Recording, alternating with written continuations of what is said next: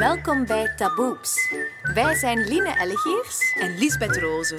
Wij voeren in deze podcast eerlijke en pure gesprekken. waarbij we op zoek gaan naar de grootste taboes anno 2020. Wij staan voor minder schaamte en meer kwetsbaarheid. Denkt u straks, amai mijn loetje, dat was interessant? Ga dan zeker een kijkje nemen op www.taboeps.be.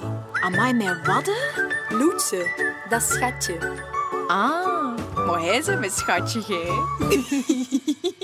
Wij kregen op 28 augustus een mailtje binnen van Sarah. Met als titel Niet alle seks is perfect. Als bij toeval, want ehm, Betty en ik hadden net de keuze gemaakt om het over het thema seks, eh, seks in coronatijden, vrouwen versus mannen in het onderwerp seks te hebben. En Sarah zit hier bij ons, is een schone, moedige vrouw en tevens een collega van ons die het lang moeilijk heeft gehad om over dit onderwerp te durven spreken. Laat staan openlijk in een podcast. Uh, maar door de opstart van Taboeps kreeg ze de ballen aan haar lijf om het er met ons over te hebben. Sarah, wij zijn u nu al dankbaar uh, dat jij uw kwetsbaarheid en uw verhaal met ons wilt delen. Uh, dus welkom bij ons. Welkom. Dank je wel, merci. Dag Sarah, eerst en vooral, hoe is het met u? Goed, ja, ik vind het spannend, maar goed over het algemeen. Ja, ja. de coronatijden overleefd. Ja, um, ik, oh, het heeft mij eigenlijk wel deugd gedaan. Eigenlijk. Zo die lockdown, um, dat kwam eigenlijk wel op een goed moment. Zo even rust en weer tot jezelf komen. Maar ja, na een tijdje had ik het ook wel, zoals de meesten, wel wat gehad ermee. Uh, dus ik ben blij allee, dat we toch weer iets kunnen doen. Mm -hmm. um, Jij zit nog op school? Ja, ja. Je hebt nog examens te doen? Nog één examen en dan ben ik afgestudeerd. Eindelijk. Ja, inderdaad. Niet de normale gang van zaken. Nee, nee. Um, voor onze luisteraar vooral, wie is Sarah? Want wij kennen u wel, je bent een collega van ons, maar kun je een beetje uitleggen wie dat jij bent? Ja, ik ben Sarah, um, 23 jaar en ik, uh, ik studeer dus binnenkort af uh, aan het conservatorium uh, van Brussel, musical, heb ik daar gestudeerd. Um, en verder in mijn vrije tijd ja, ben ik daar vooral mee bezig. Acteren, zingen, uh, dansen. Um, ik ga nu ook nog bijstuderen voor dramatherapeut. Uh, zie ik ook keihard zitten en daar zou ik ook graag iets in bij doen. Um, en ja, dat is zo'n beetje... Waar is dat, dramatherapeut? Dat is hier in Gent. Dat is ah. op de Artevelde Hogeschool. Dat is een bachelor na bachelor. Dus dat is halftijds.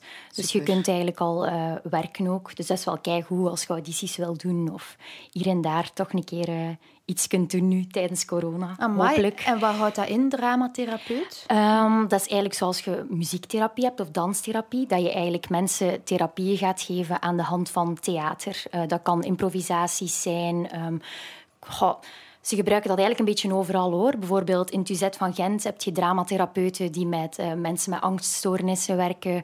Of kunt met mensen met verslaving werken. Ik zou heel graag theater maken later met mensen met een beperking. Dus dat kan ook allemaal. Um, ja, en dat amai. kan eigenlijk, ja...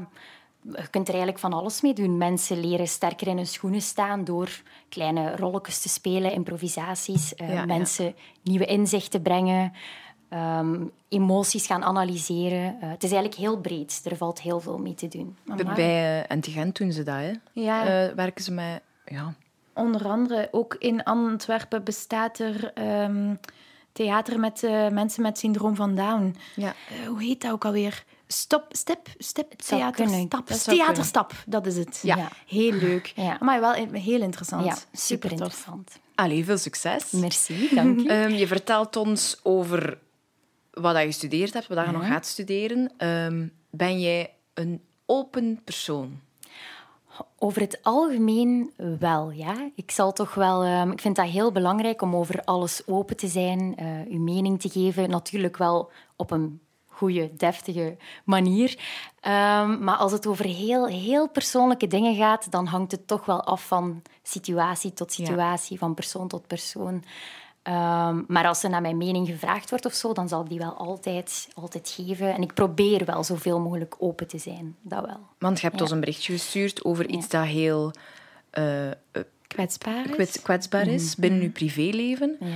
Um, wat dat wel moedig is, dat je dus zomaar dat stuurt naar ons. Over wat gaat dat? Of over wat ging dat berichtje? Uh, ik heb jullie gemaild omdat er eigenlijk um, al heel lang iets is waar ik mee zit, dat ik naar buiten wil brengen, maar dat ik eigenlijk niet, mij nog niet goed bij voelde, niet het lef voor had. Ik was daar heel bang voor.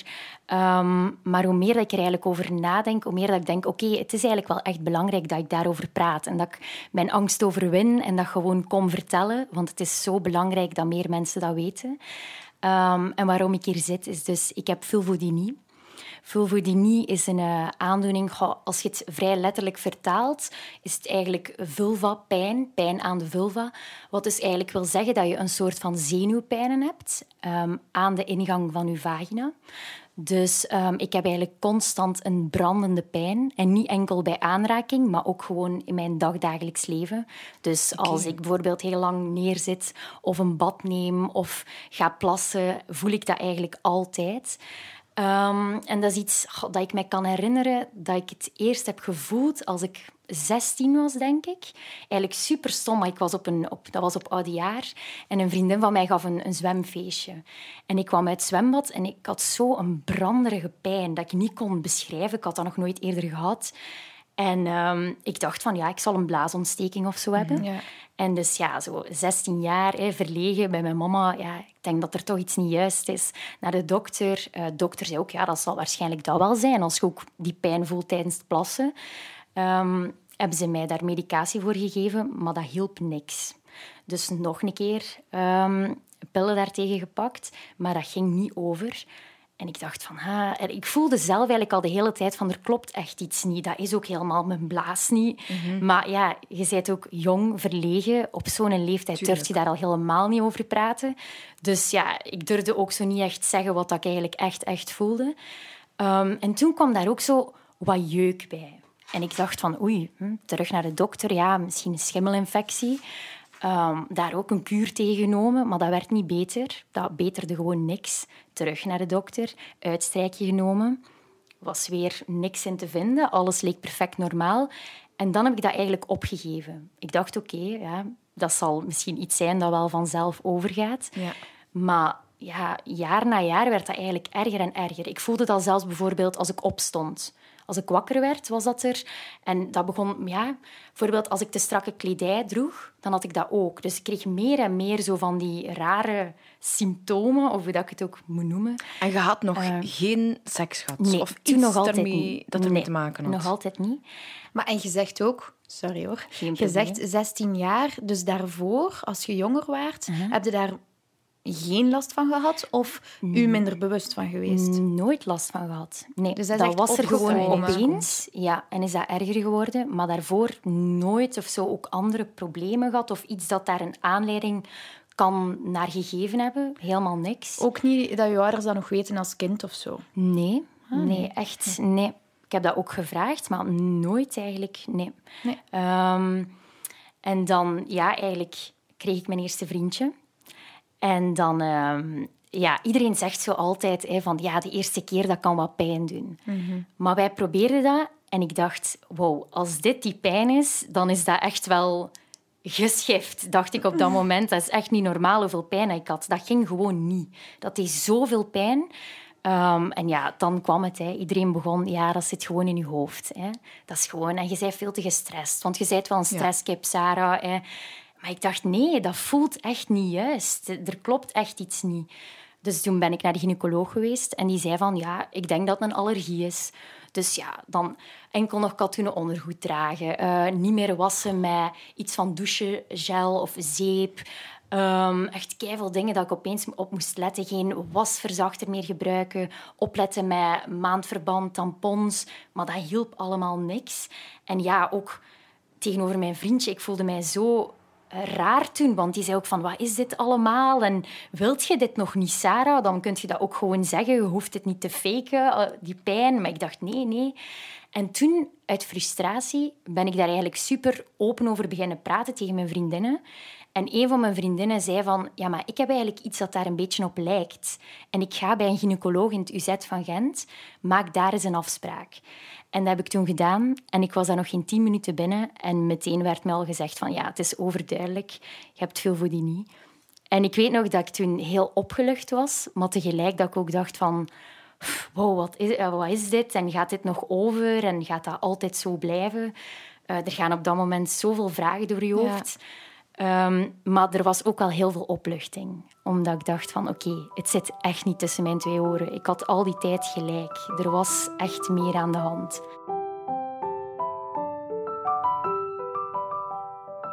Zijn er dan weinig dokters die weten wat dat is? Ja. Er is dus nog niet zoveel over geweten. Nee, dat is het probleem. Er zijn zelfs heel veel huisartsen, gewone gynaecologen, die daar eigenlijk amper iets over weten. Nu is dat natuurlijk wel al meer dan, als, ja, dan vier, vijf jaar geleden. Maar ik weet nog de eerste keer als ik dan terugkwam bij mijn, bij mijn huisarts en dat zei, die zo was van, ah, daar heb ik nu nog nooit van gehoord.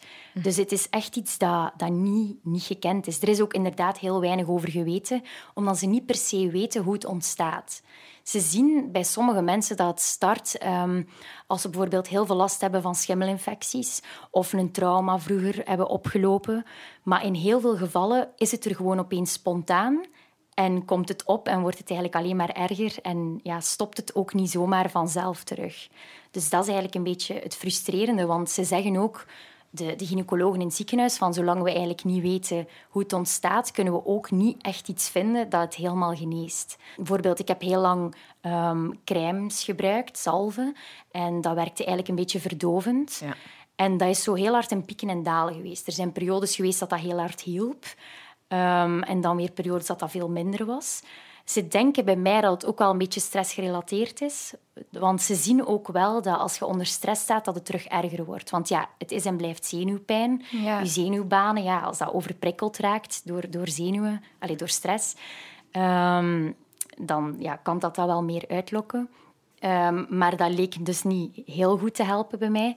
Dus toen zijn zij overgegaan naar antidepressiva heb ik uh, een jaar lang antidepressiva moeten nemen. Amai. Ja, uh, omdat dat u dus ook een beetje rustiger maakt. Maar dat vond ik echt de hel. Dat was... Um, allee, niks tegen antidepressiva. Ik snap echt dat dat mensen heel hard helpt. En dan kan ik dat alleen maar motiveren van probeer het. Maar in mijn geval was dat gewoon... Ik moest zo'n hoge dosissen nemen dat ik me gewoon geen mens meer voelde. En het hielp ook niet. Moest het nu helpen, dan zou ik denken, oké, ik heb het ervoor over. Maar je weet ook, in ons vak is het zo belangrijk om te voelen. Mhm. En als je dan gewoon... Ja, je emoties gewoon vlak worden, dat is gewoon verschrikkelijk. Op school ook. Ik vond dat heel moeilijk. Ik kon daar ook niet goed door slapen. Dus toen zijn ze daar na een jaar ook mee gestopt. En dan heb ik een tijdje um, anti-epileptica genomen. Dus medicatie tegen epilepsie. Ehm, maar daar reageerde ik ook totaal niet goed op en dat hielp ook niet. En wat zou dat dan moeten doen? U dat is, dus allemaal om de vorm van u rustig krijgen. Ja, dus inderdaad. zodat je dus minder prikkels, zodat je zenuwen eigenlijk minder geprikkeld worden. Eigenlijk gaan ze een, een pil geven voor een andere oorzaak of een andere ziekte om toch gewoon die stress of die zenuwen te verminderen. Ja, dus om dat te onderdrukken een beetje. Ja. Maar ik vind dat wel gek. Ik ben geen dokter, maar ik vind dat wel heel drastisch. Omdat dat is eigenlijk een zeer lokale pijn of mhm. zenuwpijn. Dus waarom gaat het dan een dat is toch bijna een andere oorzaak zoeken, niet? Ja, ja, dat is, ja daar had ik het inderdaad ook moeilijk mee. Daarom... Hoe, hoe onderbouwen ze dat naar u toe van hier antidepressiva?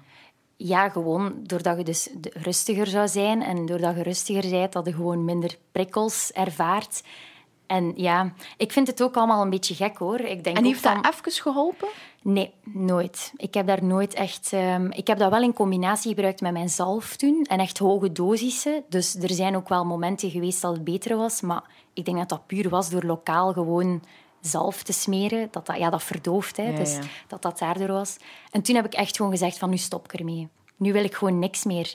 Ik, ja, dat voelde gewoon niet juist om jezelf gewoon vol te proppen met pillen. Ja, jezelf te um, verdoven. Ja, inderdaad. En ik had toen ook, ja, um, ja, ook een, een vriend. Hij ging daar eigenlijk ook wel heel goed mee om. En als ik hem leerde kennen ook en ik vertelde dat, was hij ook van oké, we maken er het beste van. En die heeft mij daar ook volledig in gesteund als ik zei van ik stop nu met die medicatie, ik wil niets meer, niets. Ik wil het gewoon zo laten. Um, dus dat was wel tof, dat ik zowel die, die steun ook meekreeg. En nu ja, heb ik eigenlijk echt bijna een jaar niks meer gebruikt. Enkel nog zalf, maar ook in mindere dosissen. Um, en het is weer wat erger, dat wel. Maar ondertussen heb ik ook geen partner meer. En ik weet niet, ik heb er zo wel vrede mee gesloten momenteel. Dan denk ik van, oké, het is er wel en ik voel het, maar er komt wel minder druk bij kijken. Want je hebt niemand. En, want dat is ook een visieuze cirkel waarschijnlijk. Want Ja. als je niet vindt wat er je het beste helpt en je hebt een vriend, dan gaat je toch ook stressen. Ja, dat is toch de inderdaad, no- dat normale reactie ja. van een mens ook. Ja, want die is daar, ik kan daar niks negatief over zeggen. Die heeft daar altijd supergoed mee omgegaan. Maar het zorgt gewoon altijd voor frustraties. Hoe dat je het nu ook, hoe dat je het ook draait of keert. Ik bedoel, we hebben ruzie gemaakt daarover en gediscussieerd en geweend. Dat hij op een bepaald moment ook was van... Sarah, ik ben bang om je nog aan te raken. Ik ben bang, want ik heb het gevoel dat ik je pijn doe. En dat is gewoon niet tof. En als je zoiets moet horen, ja, dat vond ik wel hard ook. Want eigenlijk, ja, je denkt op dat moment eigenlijk vooral aan jezelf, van oh, pijn. En, maar als, ja, als je partner dan ook begint van ik heb echt schrik om je pijn te doen en ik wil dit ook niet meer, vond ik wel eh, heftig. Want ik kan mij wel inbeelden hoe dat het ook draait of keert, dat dat wel resulteert naar een slechter, tussen aanhalingstekens, seksleven. Ja, ja sowieso. Allee, dat is een Ja. probleem. Toch? Fysiek is dat, zorgt dat voor een mega grote afstand. Ja, inderdaad. Want eerst en vooral, als je het al wilt, dan moet je het bijna plannen. Want de ene dag heb ik meer pijn dan de andere. Dus ja, dan denkt je ook al van... Oké, nu heb ik niet veel pijn, misschien kunnen we nu eens proberen. Maar als er niks spontaan... Ja, als dat niet spontaan gaat, is dat ook niet leuk. Dus bijvoorbeeld, ja, mijn libido, dat is ook super laag. Ik heb daar gewoon bijna geen behoefte meer aan omdat, ja, het voelt gewoon niet natuurlijk of zo meer voor mij, omdat het niet spontaan kan. Dat, hoe dat je het ook draait of keert, ja, het blijft gênant. Hè? Als je dan dat probeert en je moet zeggen van nee, nee, stop, en ik heb echt te veel pijn. En, ja. Ja. dat is gewoon, dat is echt, allee, echt niet, niet leuk. Nee. Doe maar. Ja, nee, ik wou vragen, gaat dat echt over penetreren of is dat zelfs bij naraking? Want is- Ehm. misschien zijn er eh, neutrale middenwegen dat je dan kunt nemen samen. Ja, vooral penetratie, dus dat doet wel het meeste pijn. Maar ja, bij andere aanrakingen voel ik het ook, maar veel minder. En kan ik het ook wel verdragen of zo. Ja. En kan ik echt nog wel genieten ook. Ehm, dus inderdaad, bedoel, we hebben echt wel samen wat gaan experimenteren van oké, wat kan, wat kan niet. Ehm, en bedoel, penetratie, oké, dat is een deel van de seks, maar met voorspel kun je ook zoveel doen. Ehm, en allee, ik denk zeker dat wij daar echt het beste van gemaakt hebben en dat dat ook leuk is geweest met momenten, zeker. Maar het was een zoektocht. En ik denk dat dat mij, wie dat ik ook leer kennen in de toekomst, dat dat altijd een andere zoektocht ook zal Ja, zijn. ja. Ehm, maar ik probeer daar wel heel open over te communiceren gewoon. En ehm, ik weet nog dat hij dat in het begin zo wat gênant vond. Hè? Als ik zo super open vragen begon te stellen van oh, wat vind je leuk en ik vind dat wel leuk en dat niet. En, en, en. Maar na een tijdje is dat ook echt tof en begon ik dat ook echt te doen. En dan vind je wel zo samen een beetje dezelfde golflengte. Ik vind dat eigenlijk nog iets positiefs ook, om het dan als een positivo te zien, dat dat bij u moet. Er moet gevraagd worden van, vind je fijn? Mhm. Ja. Mhm. Wat kunnen we doen? En dat gebeurt misschien te weinig in, in het normale seksleven. Ja. Elkaar vragen wat wel fijn is. Ja, inderdaad, dat denk ik ook. En daarom, dat vind ik inderdaad ook zo belangrijk. Praat daar alsjeblieft over, echt waar. Wat dat ook voelt en doe niks tegen je zin. Want dat heb ik in het begin ook gedaan. Hè. Ik dacht, ik moet mezelf forceren om de ander te kunnen plezieren. Want anders voelde ik mij schuldig. En ja, ik vond dat nu, als ik daar nu over nadenk, dan denk ik, Sarah, waarom heb je dat ooit gedaan? Dat is niet oké. Ik bedoel, ik heb me toen ook heel ongelukkig gevoeld. En daar eigenlijk door zo gewoon die knop om te draaien en te denken van nu ga ik gewoon over alles super open zijn. En je mocht het allemaal weten en ik wil ook alles over u weten. Dat heeft heel veel opgelost. Dus ja, ik kan het alleen maar aanraden. Praat erover. Hoe gênant dat je het ook soms vindt, maar lach er dan echt mee. Maak er dan iets plezierig van. Ik weet het niet, maar ja, dat is gewoon echt zo, zo belangrijk. En jij bent behandeld in UZ Gent? Ja, nog steeds. Nog steeds? Ja. En hoe verloopt dat? Of hoe... Er zitten daar heel veel goede gynaecologen die allemaal in iets anders gespecialiseerd zijn. Dus ik zit daar echt op mijn plek. Ehm, ik ga zelf om de drie maanden op controle. Ehm, nu, de laatste keer hebben ze bij mij wel nog iets nieuws geprobeerd. Dat is omdat, dat heb ik niet verteld, maar bij vulvodynie heb je eigenlijk zes pijnpunten. Die ze dus eigenlijk met een soort van ja, wattenstaafje maken ze nat en ze gaan dat gaan aantikken.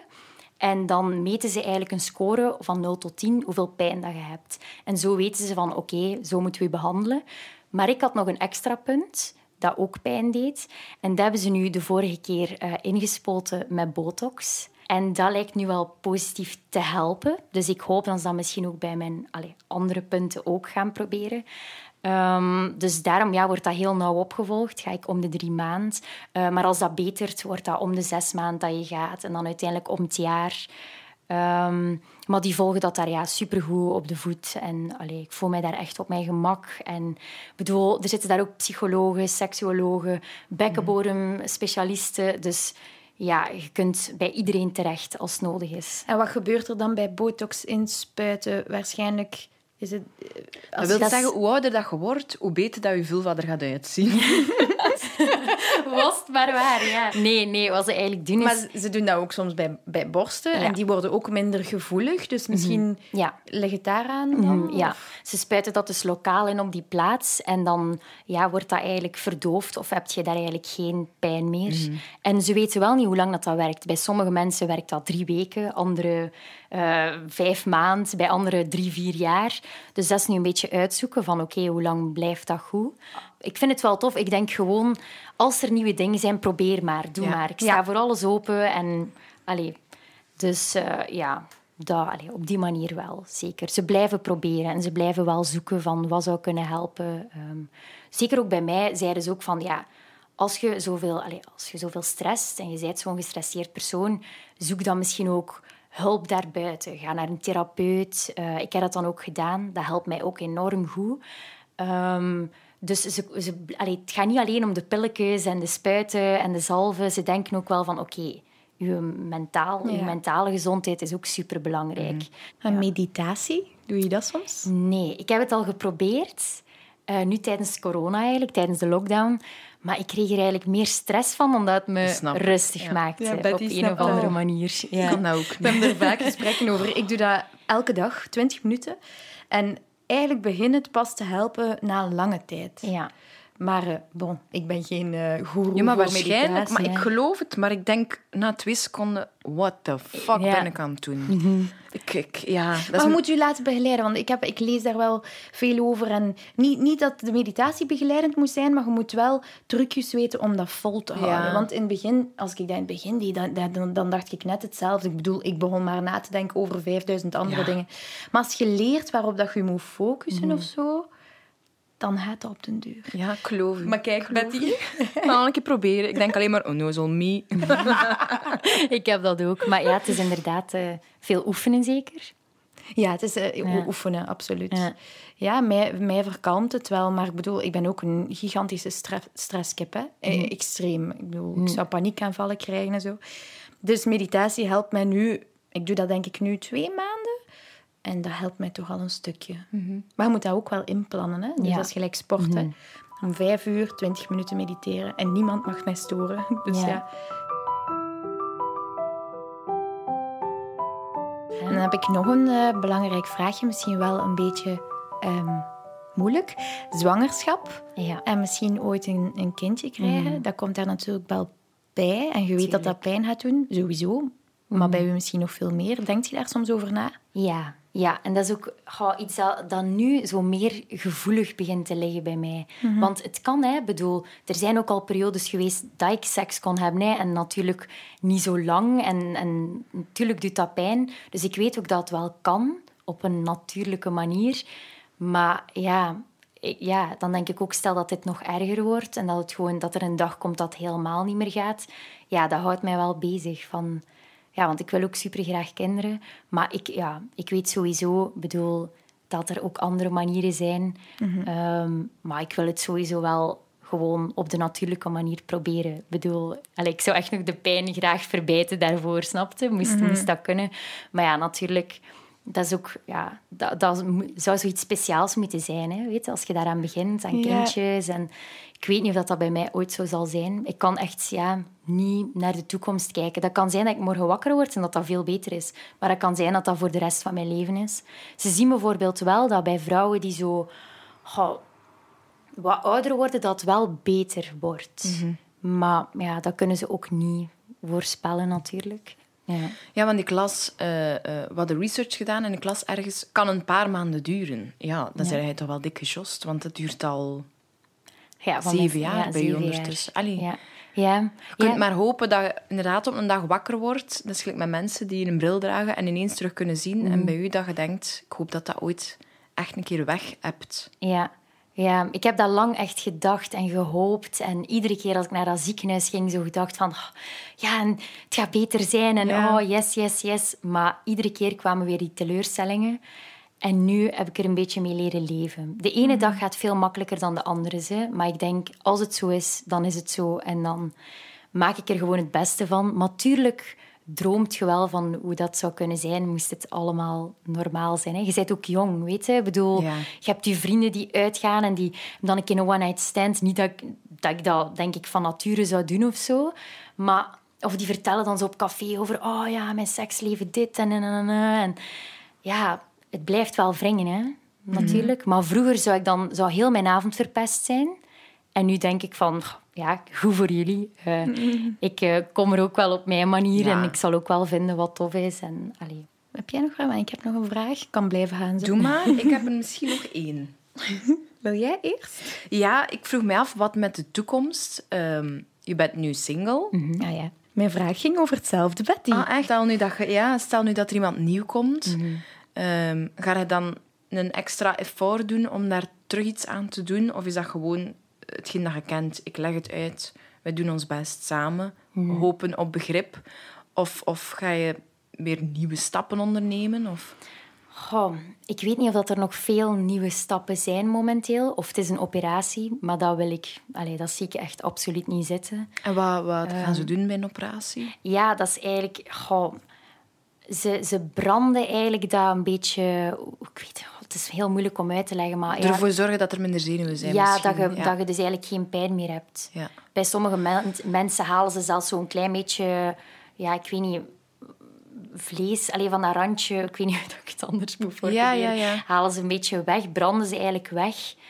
Doordat je eigenlijk dan, ja, allee, dan zou je minder moeten voelen. Maar ik zie dat niet zitten, want allee, er zijn ook veel vrouwen waarbij dat dan mislukt. Dus het is niet dat dat echt een operatie is met heel veel slaagkansen. Oké.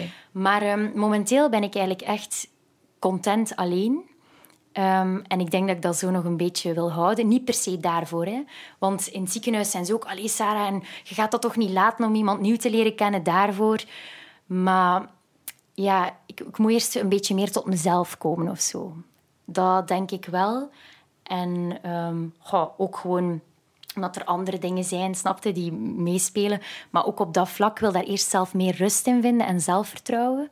Eh, en dan pas weer met iemand iets beginnen. Nu ga, mag van mijn part iedereen het weten en ga ik daar echt veel opener over zijn. En dat gaat niet van dag tot dag. Hè. Dat is nu ook al een enorme stap dat ik hier zit en dat zoveel mensen dat, dat gaan horen.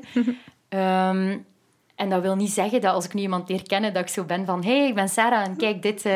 Nee, dat zal nog altijd wel even duren voordat ik dat vertel. En ja, je moet daar ook de gepaste moment voor vinden. Maar ik ben wel zo van, oké, ik ga me er niet meer voor schamen. En dat is echt een deel van mij. En als je ermee kunt leven, super tof. Kun je er niet mee leven, ook oké. maar dan hoeft het voor mij niet meer. En dan allee, doe ik zelf ook geen moeite niet meer. Want ja, ik zou bijna toen zou ik bijna gesmeekt hebben van allee, en kom, en we kunnen dat toch proberen. En nu denk ik, als iemand dat zegt, ja, kijk, dan is het maar zo. Allee, Het zou eigenlijk zo... Ja, het zou eigenlijk geen big deal mogen zijn. Nee. Maar als iemand dan zegt, ik zie daar niet zitten, is dat toch wel pijnlijk. ja, ja, ja, je voelt je echt Omdat heel, dat heel dan klein. blijkbaar wel belangrijker is dan je persoonlijkheid. Ja. Je mag het zo niet bekijken natuurlijk. Nee, maar, maar zo dacht ik ook wel. dat lichamelijke is toch wel echt belangrijk binnen een relatie. Tuurlijk, superbelangrijk. Ja, het is Ja. ook belangrijk om daar mannen mee te bereiken Ja, met dit. inderdaad. En dat ze dat ook doorhebben. En oké, klopt, ze mogen eerlijk zijn van kan ik daarmee leven, dit of dat. Maar het is belangrijk dat zij weten wat dat inhoudt of hoe dat, dat zit. Ja, want voor hetzelfde geld gaat dat weg. En dan Ja. vraag, vraag ik mij af, zou je dan geen spijt hebben? Ja. En zou, de, zou dat bestaan bij mannen? Zo'n pijn, zenuwpijn. Dat weet ik eigenlijk niet. Daar heb ik eigenlijk nog nooit iets over opgezocht. Nee. Dat- Gevoelig eikeltje. Kan hè, Betty? Ja, ik weet het niet, ja. Ja, maar dat is een goede vraag. Dus luisteraars, als er iemand zich geroepen voelt... Ja. Heb je nog een tip voor de luisteraar? Ja, luister echt naar je lichaam. En als je voelt dat er iets niet juist is, bedoel, wat dat iedereen ook zegt, laat u goed onderzoeken. En gelijk bij mij ook, dat heeft lang geduurd. Ehm, en allee, dat was ook gewoon omdat niet veel mensen wisten van waar het kwam. Maar echt, als je voelt van, ik heb echt het gevoel dat niemand mij kan helpen, ga verder. Zoek echt. Want ik geloof daar echt in, zeker wij als vrouw, dat je dat voelt. Je kent je lichaam zo goed. En zeker als het over zo'n dingen gaat, bedoel, wacht er niet te lang mee. Want het wordt alleen maar erger en dan wordt het ook moeilijker om te behandelen. Dus of dat je nu hetzelfde meemaakt als mij, of denkt van, oeh, ik herken mij daar wel in en misschien is dat inderdaad ook dat. Ja, ik kan alleen maar aanraden van, ga ook naar het UZ of zoek echt een goede gynaecoloog. Of als het nu iets anders is waarmee dat je zit, luister echt naar je lichaam. En wat dat de rest ook zegt, gewoon op je gevoel afgaan. En dat is dikwijls wel het juiste. Ja. Heel mooi. Ja. Merci voor uw mooie verhaal. Dank je wel. Dank u wel, Sarah. Jullie bedankt.